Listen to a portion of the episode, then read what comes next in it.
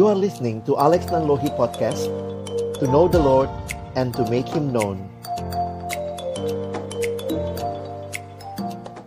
Mari berdoa sebelum kita membaca merenungkan firman-Nya. Kembali kami datang kepadamu ya Tuhan, terima kasih perjalanan kehidupan kami Tuhan sertai hingga saat ini. Secara khusus bagi teman-teman kami angkatan baru, terima kasih karena Tuhan juga yang membawa mereka semua boleh ada bersekutu bersama sebagai keluarga di dalam POFKUI. Kami bersama-sama akan membaca merenungkan firman-Mu pada sore hari ini. Kami mohon ketika kami membuka firman-Mu, bukalah juga hati kami. Jadikanlah hati kami seperti tanah yang baik, supaya ketika benih firman-Mu ditaburkan, boleh sungguh-sungguh berakar, bertumbuh, dan juga berbuah nyata di dalam hidup kami. Berkati hambamu yang menyampaikan semua kami yang mendengar. Tuhan tolong kami semua agar pada akhirnya kami bukan cuma jadi pendengar-pendengar firman yang setia, tapi mampukan dengan kuasa dan pertolongan dari rohmu yang kudus, kami dimampukan menjadi pelaku-pelaku firman-Mu di dalam hidup kami, di dalam masa muda kami. Bersabdalah ya Tuhan, kami anak-anakmu sedia mendengarnya. Dalam satu nama yang kudus, nama Tuhan Yesus Kristus, kami menyerahkan pemberitaan firman-Mu. Amin. Shalom, selamat sore teman-teman sekalian. Senang hari ini boleh ketemu. Ini namanya berzumpa ya. Karena kita lewat Zoom semua. Senang uh, saya Alex Nanlohi. Saya bukan alumni FKUI, tetapi saya alumni Fisip UI ya. Bersyukur uh, Tuhan panggil dalam pelayanan penuh waktu dan saya ada di dalam pelayanan ini sejak tahun 98 ya. Jadi senang boleh ketemu dengan uh, banyak teman-teman. Ada yang saya sudah kenal dari SMA, ada yang di sini saya kenal papa mamanya begitu ya. Ternyata dunia sempit gitu ya karena bertemu lagi dulu teman pelayanan sama papa mama dari beberapa teman, sekarang boleh melayani anak-anaknya begitu ya. Baik, Sore hari ini dalam family altar kita, saya coba share satu slide yang saya siapkan bagi kita. Teman-teman, kita akan berbicara tentang godly friendship. Nah, ini jadi satu hal yang menarik tentunya kalau bicara persahabatan, apalagi di saat kita melihat pandemi yang belum selesai-selesai ini, banyak orang yang berkata, "Wah, manusia makin individualistik." Ya, makin tidak peduli dengan sesamanya pandemi yang awalnya adalah sebuah masalah kesehatan, iya kan? Iya, kalian ada dalam uh, situasi ini juga untuk jadi dokter ke depan, ya. Memang ini masalah kesehatan, tetapi bayangkan telah juga menjadi masalah dunia, bahkan sudah merembet ke masalah sosial, masalah ekonomi, masalah pekerjaan, ada yang harus bekerja dari rumah ada yang kalau dibilang ini juga masalah spiritual teman-teman ya. Kenapa? Ya kita ibadahnya juga harus online begitu. Kalian pun masuk kampus mungkin sudah siap dengan energik begitu ya melangkah ke dunia pendidikan tinggi tapi ya realitanya juga harus studi secara online dan ini untuk beberapa orang tentunya tidak mudah ya. Ada juga yang struggling dengan situasi ini. Nah, saya membaca satu survei yang menarik kira-kira tahun yang lalu atau dua tahun yang lalu survei itu dilakukan kepada orang-orang muda. Memang konteksnya kayaknya bukan di negara kita ya, tetapi ini bisa dikatakan mewakili orang muda di dunia. Lalu kemudian dibuatlah daftar ketakutan. ya, dari daftar ketakutan itu di list lah maka ditemukan ada top 3, tiga teratas ya dan yang menarik, ketakutan tiga teratas ketakutan orang muda. Yang pertama adalah takut akan masa depan.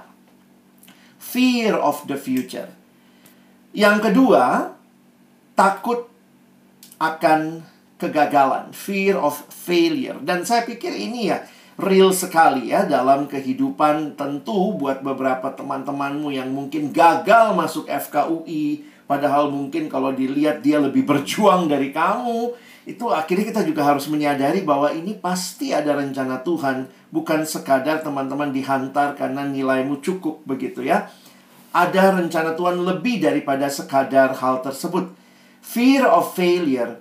Nah, dan yang menarik nih yang terakhir ya, fear of loneliness. Nah, ini kaitannya dekat sama pembahasan kita hari ini. Tentu kita akan melihat dari sudut pandang firman Tuhan, tetapi ternyata ini generasi yang medsosnya temennya paling tidak 100 minimal, tetapi also feel lonely. Dan di sinilah kita jadi menyadari gitu ya, kalau tema sore hari ini adalah godly friendship, it's not easy to find, to find a friend, ya, a real friend, a true friend. Nah, tapi kemudian mari kita coba refleksikan ya. Saya mungkin dalam waktu yang terbatas hanya mengajak teman-teman coba merefleksikan. Saya tidak bisa mengekspos seluruh keindahan bagian yang kita akan baca. Kita akan melihat bagaimana Tuhan Yesus di dalam Yohanes 15 ayat 9 sampai ayat yang ke-17. Kalau teman-teman perhatikan Injil Yohanes ada dua bagian besar. Ada yang namanya public discourse, adalah percakapan Yesus di hadapan publik. Itu kira-kira pasal 1 sampai pasal yang ke-12 atau pasal 12 uh, bagian depan itu yang disebut public discourse. Lalu kemudian Yesus withdraw dari orang banyak dan kemudian masuk yang namanya private discourse.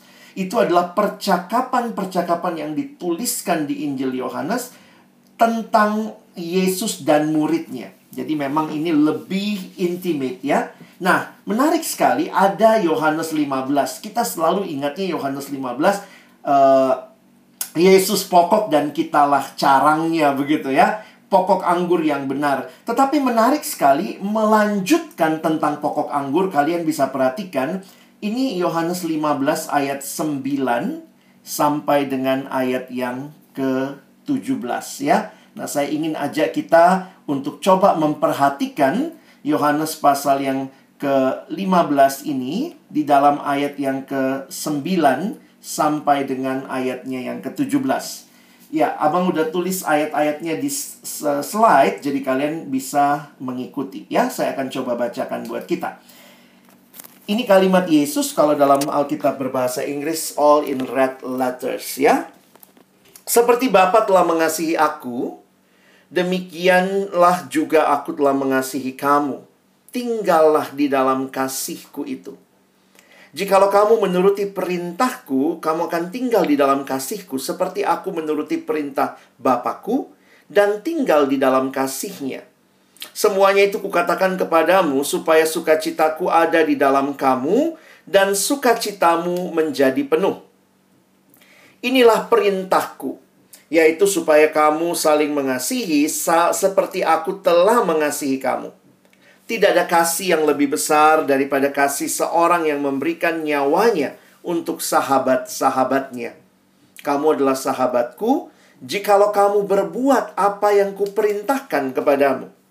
Aku tidak lagi tidak menyebut kamu lagi hamba, sebab hamba tidak tahu apa yang diperbuat oleh tuannya, tetapi aku menyebut kamu sahabat karena aku telah memberitahukan kepada kamu segala sesuatu yang telah kudengar dari Bapakku. Bukan kamu yang memilih aku, tetapi akulah yang memilih kamu. Dan aku telah menetapkan kamu supaya kamu pergi dan menghasilkan buah dan buahmu itu tetap supaya apa yang kamu minta kepada Bapa dalam namaku diberikannya kepadamu. Inilah perintahku kepadamu, kasihilah seorang akan yang lain. Nah, teman-teman yang dikasihi Tuhan, bagian firman Tuhan ini terlihat dengan sangat jelas kedekatan Yesus, relasinya yang intim dengan murid-muridnya. Dan inilah juga yang saya yakini bagi kita sekarang yang adalah murid-muridnya, juga ini menjadi bagian kita. Waktu kita berbicara tentang perikop ini, satu kata kunci yang menonjol yang saya mau angkat adalah kata sahabat. Nah, kita bicara hari ini juga godly friendship. Ada banyak definisi persahabatan. Kalian silakan googling ya. Nah, ada satu definisi yang Kak Alex kutip bagi kita saat ini. Sebenarnya menarik juga ya bahwa salah satu definisi ini bagi saya menarik. Dikatakan sahabat adalah orang yang mengetahui hal yang paling buruk tentang dirimu namun masih tetap mengasihi engkau sebagaimana adanya. Nah, ini ini aja udah luar biasa definisinya ya.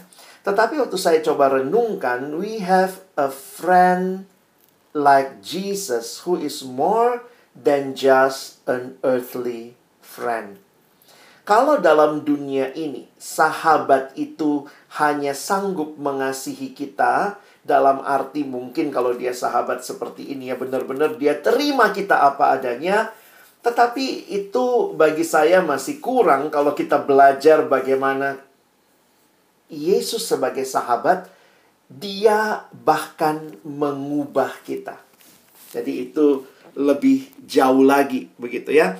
Karena itu sebelum kita berbicara tentang persahabatan kita, mari kita belajar terlebih dahulu dari Yesus sang sahabat sejati. Teman-teman jangan mimpi jadi sahabat yang baik tanpa mengenal sahabat yang sejati. Karena itu setiap kita seharusnya bertanya terlebih dahulu, kita udah sahabatan nggak sama Yesus ya? Teman-teman udah udah ini nggak?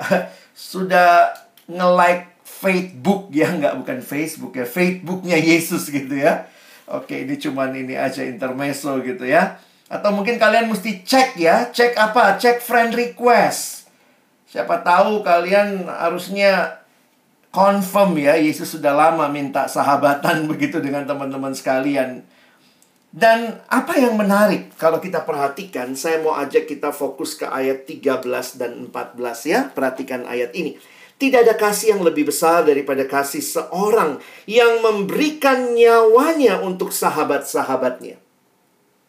Menarik sekali ketika Yesus berbicara sahabat, dia berbicara memberikan nyawa. Dan ayat 14, kamu adalah sahabatku jikalau kamu berbuat apa yang kuperintahkan kepadamu. Saya melihat ini satu respon yang menarik bahwa ketaatan menjadi respon dari sahabat sejati. Kamu adalah sahabatku jikalau kamu berbuat apa yang kuperintahkan. Ada ketaatan di situ. Nah, tentu ayat-ayat ini banyak sekali aspek yang bisa kita angkat. Saya cuma coba highlight beberapa hal. Terdapat beberapa aspek tentang persahabatan dalam perkataan Yesus kepada murid-muridnya yang diucapkan di dalam saat-saat akhir hidupnya. Tadi yang Alex bilang di awal ini private discourse. Jadi percakapan dengan murid dan ini percakapan yang sangat intim dan ini adalah waktu-waktu sebelum Yesus kesalib. Dan perhatikan di sini kita melihat ada pengorbanan, ada kesetiaan dan sebenarnya juga ada kepercayaan. Nah, saya cuma angkat soal aspek pengorbanannya ya. Mungkin lain waktu kita bisa angkat dua yang lain. Saya menuliskan begini, Yesus membuktikan bahwa murid-muridnya adalah sahabat-sahabatnya melalui kerelaan menyerahkan nyawanya bagi mereka. Memberi hidup sampai mengorbankan nyawa yang Yesus lakukan di sini adalah dalam konteks persahabatan dengan murid-muridnya. Teman-teman sering kali kalau kita menyoroti kematian Kristus, dia memberikan nyawanya, biasanya kita kaitin sama apa?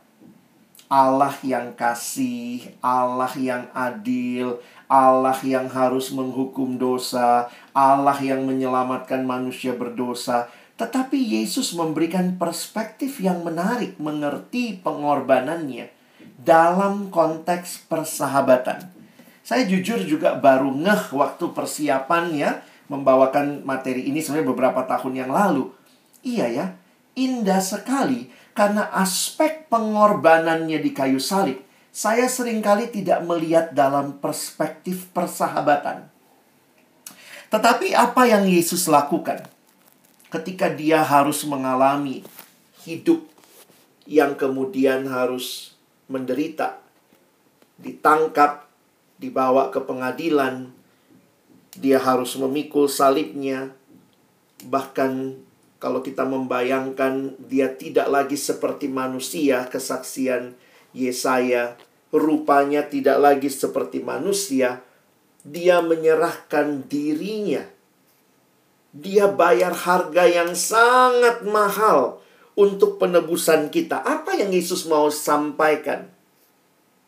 Bahwa dia sangat peduli kepada kita, sahabat-sahabatnya.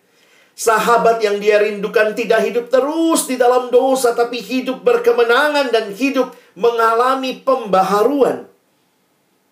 Pengorbanan sejak masa kuno punya pengertian yang menarik ya.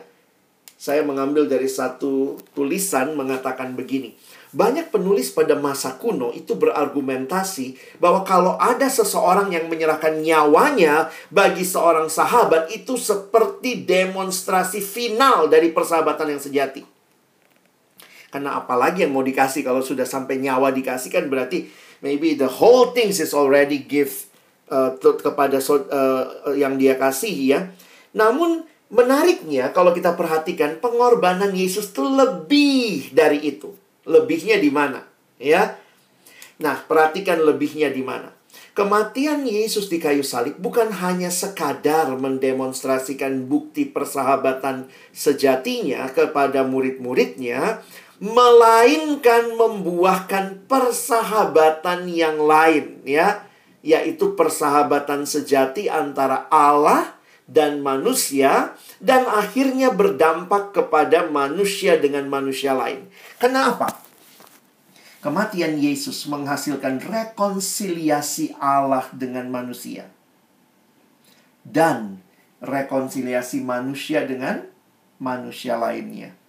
Makanya menarik kalau perhatikan salib. Salib itu punya dua dimensi teman-teman. Yang vertikal. Hubungan dengan Allah dipulihkan.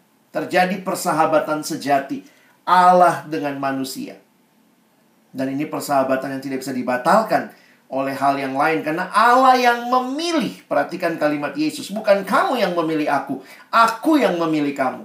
Kalau kita yang milih, besok kita bisa jadi nggak milih. Ah, enakan ikut Tuhan yang lain. Ah, Tuhan Yesus ikut dia malah menderita. Tetapi kalau perhatikan kalimatnya, dia memilih kita. Di dalamnya terkandung pengertian yang dalam betapa dia memegang kita janjinya ya dan amin. Tetapi salib bukan hanya dimensi vertikal, ada dimensi horizontal. Perhatikan di dalam Efesus pasal 2 kalau kalian baca bagaimana kematian Kristus telah meruntuhkan tembok pemisah antara Yahudi non-Yahudi pada waktu itu dan menciptakan mereka di dalam Kristus menjadi satu manusia baru. Inilah yang terjadi persahabatan Yesus yang mengorbankan nyawanya bagi engkau dan saya membuahkan persahabatan antara kita dengan Allah dan antara manusia dengan manusia. Nah, teman-teman, kalau seperti itu persahabatan yang kita nikmati, harusnya orang Kristen jangan takut kesepian ya. Karena situasinya sangat berbeda.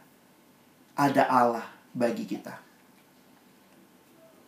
Teman-teman, COVID ini sangat ini ya, apa ya buat beberapa orang mungkin biasa saja tapi tentu buat beberapa teman yang sampai kehilangan keluarga itu sangat sedih. Salah seorang uh, keluarga kami juga ada ipar dari istri saya yang uh, meninggal dunia dalam COVID ini dan ya kita tidak bisa mengantar, kita hanya lewat Zoom, ikut ibadah, dan seterusnya. Teman-teman dalam situasi seperti itu nggak mudah ya buat anak-anak yang masih kecil, masih SMA dan SMP, buat istri yang juga tentunya tidak ada yang siap ditinggal begitu ya. Dan waktu itu saya dapat kesempatan memimpin ibadah penghiburan dan membawakan tentang Mazmur 23. Dan waktu membawakan itu seperti Tuhan mau mengatakan sering kali kita pikir gini sedih ya yang meninggal dalam covid harus dalam kesendirian tidak ada yang menemani. Orang terdekat nggak bisa lihat nggak bisa menemani. Tapi kayak Tuhan ingatkan saya betul secara manusia kalian lihatnya seperti itu. Tapi kau tahu bahwa di dalam aku dia punya sahabat sejati yang tidak pernah meninggalkan. Dialah Tuhan Yesus. Jadi akhirnya di situlah saya punya keyakinan imannya bahwa mungkin secara manusia tidak ada yang menemani.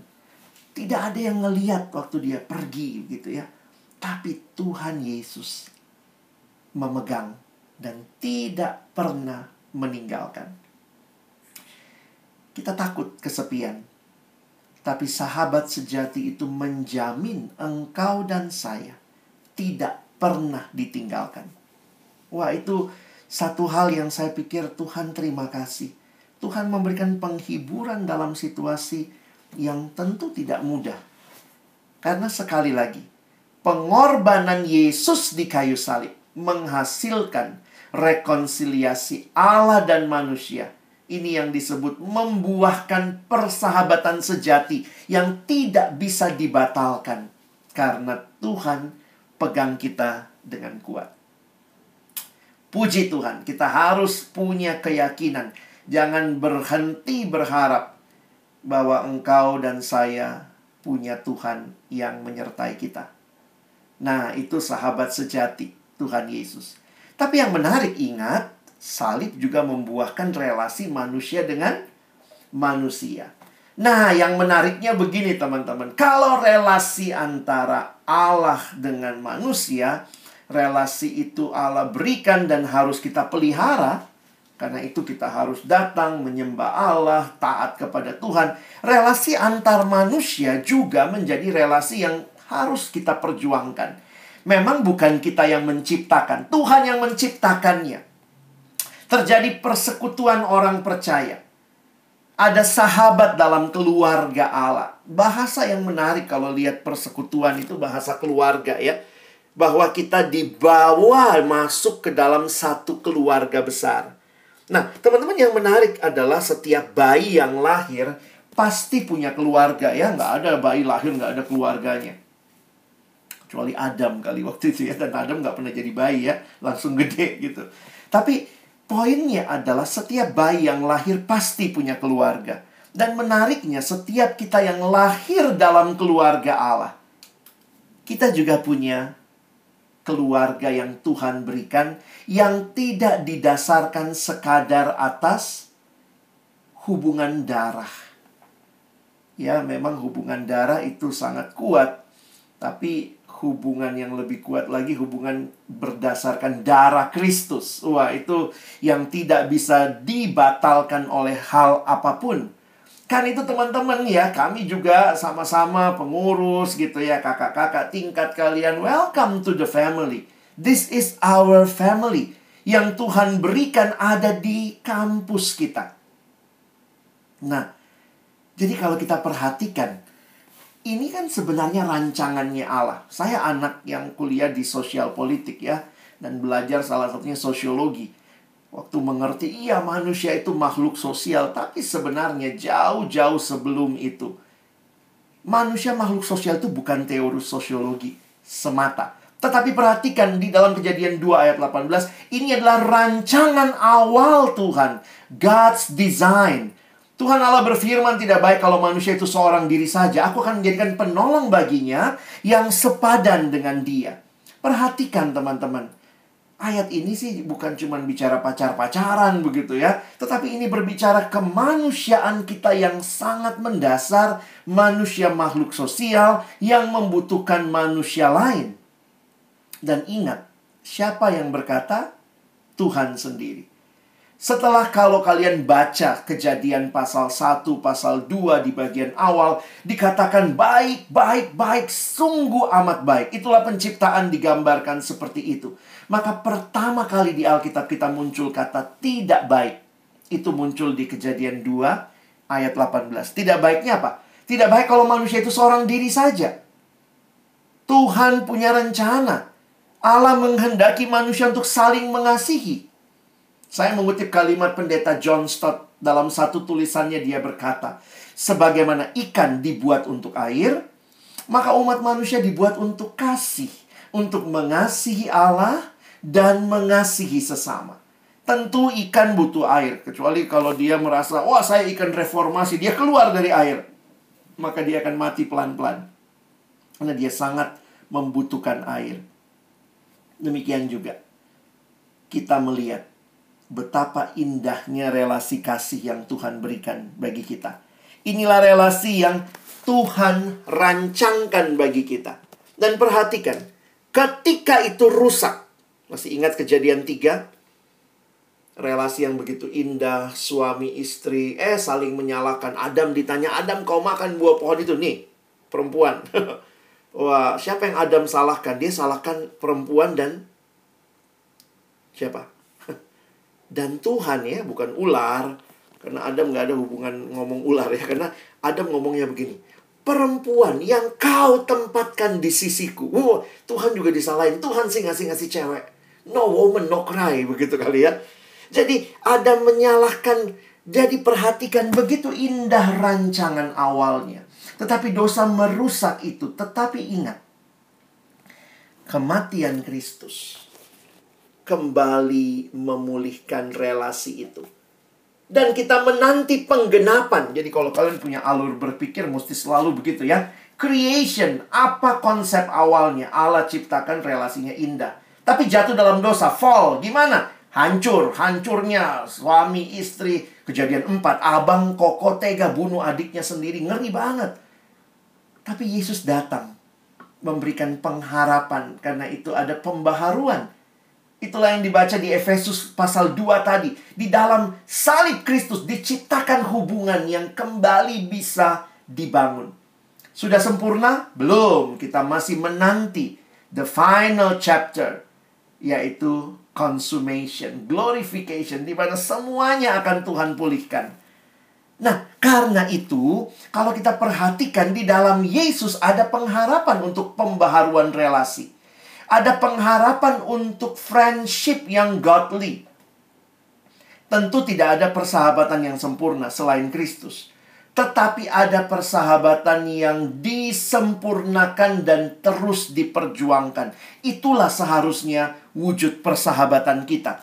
Teman-teman perhatikan, Yesus serius dengan hal ini. Setelah dia berbicara tentang sahabat, perhatikan.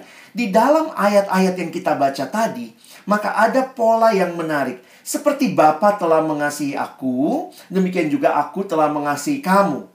Jadi Bapa mengasihi aku, kata Yesus, aku mengasihi kamu, tinggallah di dalam kasihku itu. Seorang penafsir Alkitab mengatakan demikian. Kasih Yesus dengan Bapa adalah kasih persahabatan yang setara. Yang tidak membuat anak menjadi hamba pada Bapa dan kasih yang tak memiliki rahasia di antaranya. Kasih inilah yang kemudian ditawarkan Yesus kepada murid-muridnya. Dan tawaran Yesus adalah supaya mereka, berarti murid-muridnya, juga tinggal di dalam kasih yang seperti itu. Bisa dipahami? Kalau kita bersahabat membeda-bedakan, saya pikir kita nggak menghayati kalimat Yesus ini ya. Tinggallah di dalam kasihku itu. Kasih yang setara Bapa dan anak tidak saling merendahkan, tetapi saling menghormati dan kasih yang terbuka. Tentu dalam hidup ada hal-hal yang mungkin kita rahasiakan, tetapi keterbukaan sebenarnya menjadi wujud awal yang sangat otentik dari sebuah persahabatan.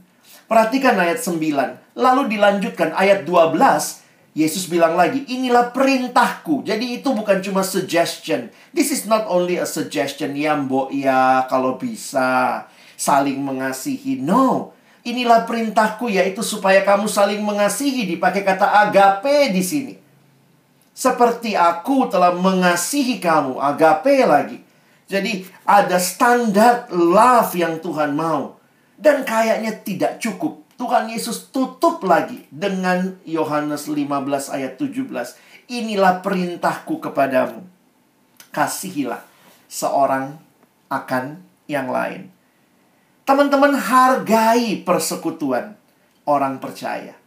Tempat kita bersekutu sebagai orang percaya ya paling logis di gereja. Tapi bersyukur di kampus juga Tuhan hadirkan persekutuan oikumene. Kita tidak bisa melepaskan diri dari komunitas karena saya mengutip kalimat Eugene Peterson, seorang teolog berkata, kita adalah sebuah komunitas. Kita tidak pernah hidup sendiri dan bagi diri sendiri. Kita dilahirkan di dalam komunitas, kita tinggal di dalam komunitas, kita meninggal di dalam komunitas, natur manusia, bukanlah hidup menyendiri. Jadi kalau ada orang Kristen tidak senang berkomunitas dan dia ngakunya sudah terima Yesus, sudah percaya Yesus, sebenarnya itu jadi pertanyaan. Tentu kita harus berproses, tetapi benih dan kerinduan itu sebenarnya Tuhan sudah berikan untuk kita punya komunitas. Seorang penulis Kristen, Timothy Keller, seorang teolog juga, dia memberikan emphasis yang cukup dalam terhadap komunitas dari penggalian Alkitab yang dia lakukan dan dia mengajak kita melihat tiga hal tentang komunitas. Kita tidak dapat mengenal Allah terpisah dari komunitas. Wah, menarik juga ya. Teman-teman mau bertumbuh kenal Tuhan ya di dalam komunitas. Kita tidak dapat mengalami perubahan yang dalam terpisah dari komunitas. Dan kita tidak dapat memenangkan dunia ini tanpa komunitas. Kadang-kadang orang Kristen bilangnya, wah kita anak Tuhan, anak raja. Tapi ternyata pertanyaannya, kita benar-benar serius nggak dengan komunitas yang Tuhan berikan kepada kita? Ini lagi banyak ngomong komunitas belakangan ya. Coba lihat nih. Seperti apa komunitas yang sehat? Ayo, yang mana yang sehat? ya dokter-dokter nontonnya hospital playlist kali ya yang nggak nonton mohon maaf lah ini saya coba kutip aja gitu ya kadang-kadang waktu perhatikan film-film ini gitu drama ini ya saya ikutin lihat gimana yang namanya sahabat tuh yang kayak apa sih gitu ya yang mengorbankan orang lain kah padahal dia juga punya kepentingan makanya ada yang bilang wah zaman sekarang bang Alex harus punya apa hati yang tega katanya harus kalau mau maju pakai gaya kodok. Nah, gaya katak. Kayak apa tuh? Kayak orang berenang gaya katak katanya. Sikut kanan, sikut kiri. Yang penting gua maju. Dan tendang kiri kanan belakang. Itukah yang menjadi pengharapan kita? Tapi pertanyaan yang lebih utuh harus kita tanyakan mulai dari diri kita. What type of friendship are you in? Teman-teman, saya tidak tahu ini kan komunitas baru buat adik-adik angkatan baru ya. Kalian juga baru masuk di kampus, baru ketemu teman kuliahmu dari berbagai latar belakang agama, terus kemudian ada lagi POFK, ada family altar seperti ini. Apa sebenarnya yang Tuhan sedang rancangkan buat kita? Apa itu godly friendship? Karena ternyata banyak persahabatan yang tidak godly.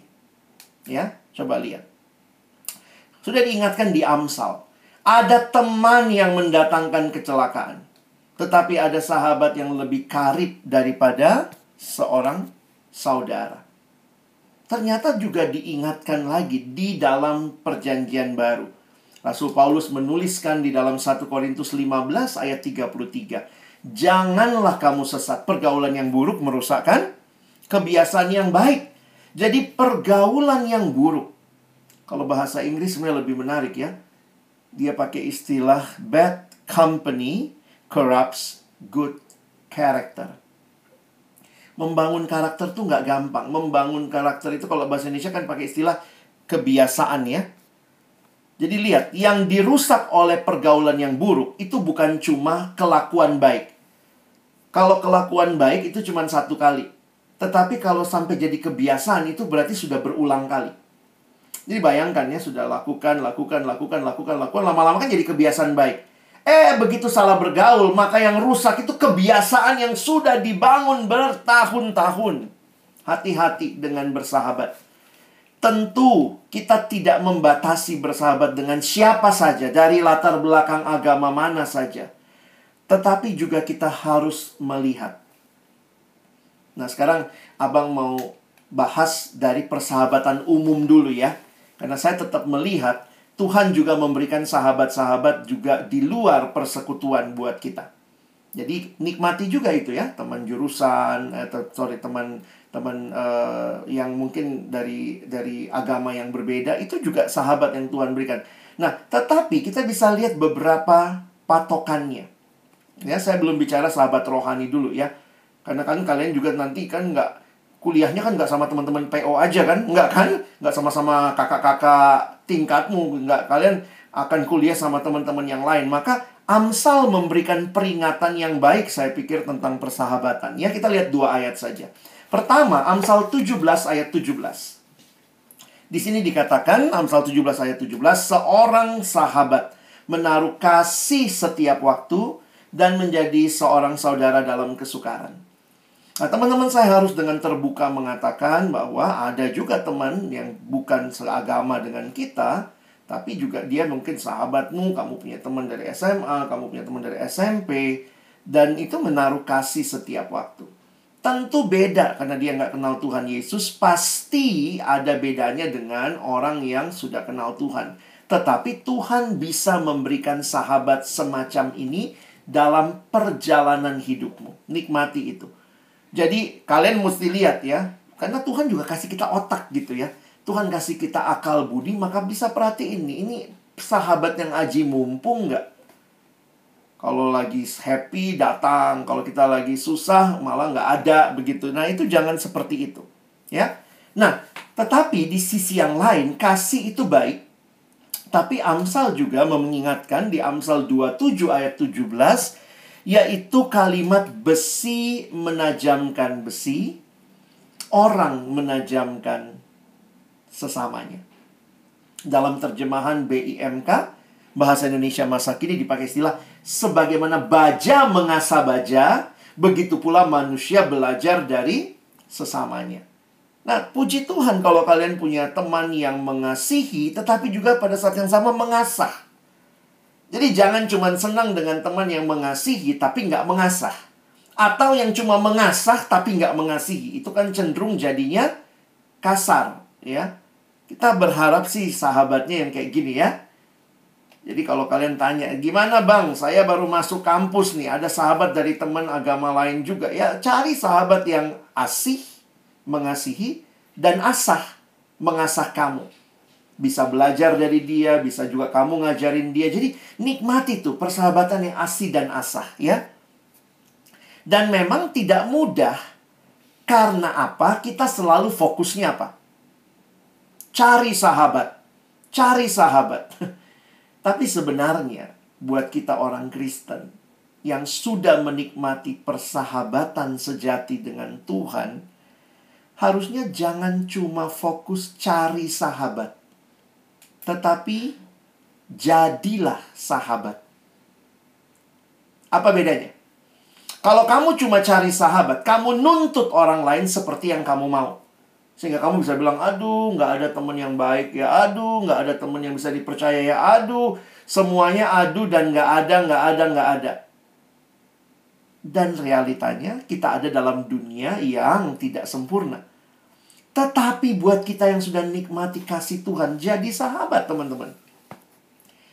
Sehingga kalau kau bilang, tidak ada teman yang bisa dipercaya. Jadilah seorang teman yang bisa dipercaya. Itu harusnya jadi influence kita. Makanya ada satu kalimat mengatakan begini. Saya pergi keluar dan mencari sahabat. Tapi sangat langka saya tidak menemukan sahabat di mana-mana. Tetapi kali kedua, saya pergi keluar dan kali ini saya jadi sahabat. Wow, ternyata ada sahabat di mana-mana. Puji Tuhan ya. Jadi sahabat, bukan cuma cari sahabat. Bersahabatlah bukan untuk memanfaatkan orang lain, tapi atas dasar kasih. Jadilah sahabat yang mengasihi, rela berkorban, setia dapat dipercaya dan terbuka. Saya mau kita tidak hanya lihat ini dalam konteks persekutuan, tapi ingatlah salah satu kesaksianmu hadir dalam dunia yang banyak orang belum kenal kasih Tuhan.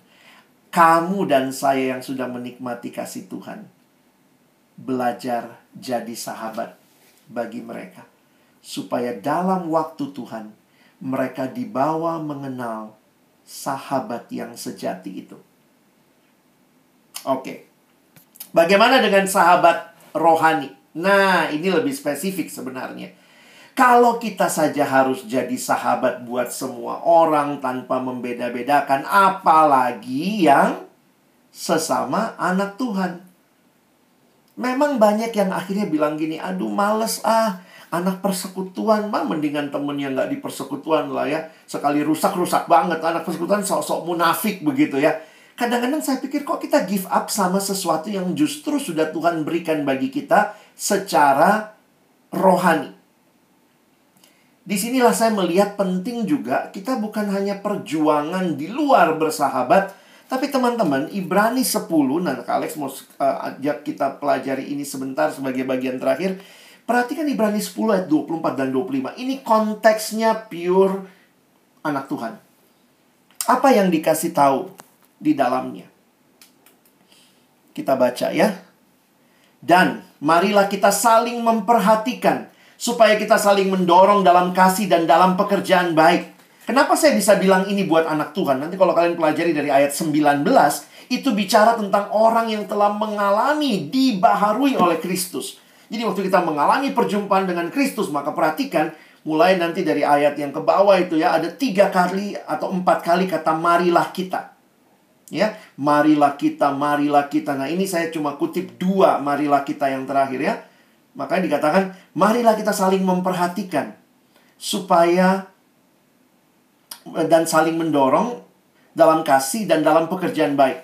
Dan janganlah kita menjauhkan diri dari pertemuan-pertemuan ibadah seperti dibiasakan oleh beberapa orang. Tetapi marilah kita saling menasehati dan semakin giat melakukannya menjelang hari Tuhan yang mendekat. Teman-teman perhatikan, waktu kalian gali ayat ini, Kak Alex coba gali buat kita ya, saya cuma mengangkat dua kata saja. Perhatikan ayat 24. Karena dua-duanya ini ada di ayat 24. Saya mau angkat kata pertama, Perhatikan kata memperhatikan. Gimana memperhatikan? Saya memperhatikan siapa? Eh, kalian gitu ya, saya perhatiin kalian. Tapi ternyata kata yang aslinya digunakan, nah kalau kalian ngerti bahasa Yunaninya, nah ini kata memperhatikannya itu dalam bentuknya present, subjektif, aktif, berarti terus menerus. Ternyata kata yang digunakan itu dalam terjemahan bahasa Inggris itu lebih bersifat to consider thoughtfully. Jadi bukan cuma perhatiin, tetapi yuk mikirin. Nah, itu beda ya. Mana yang lebih dalam? Perhatiin atau mikirin? Wah, pasti yang mikirin lebih dalam ya.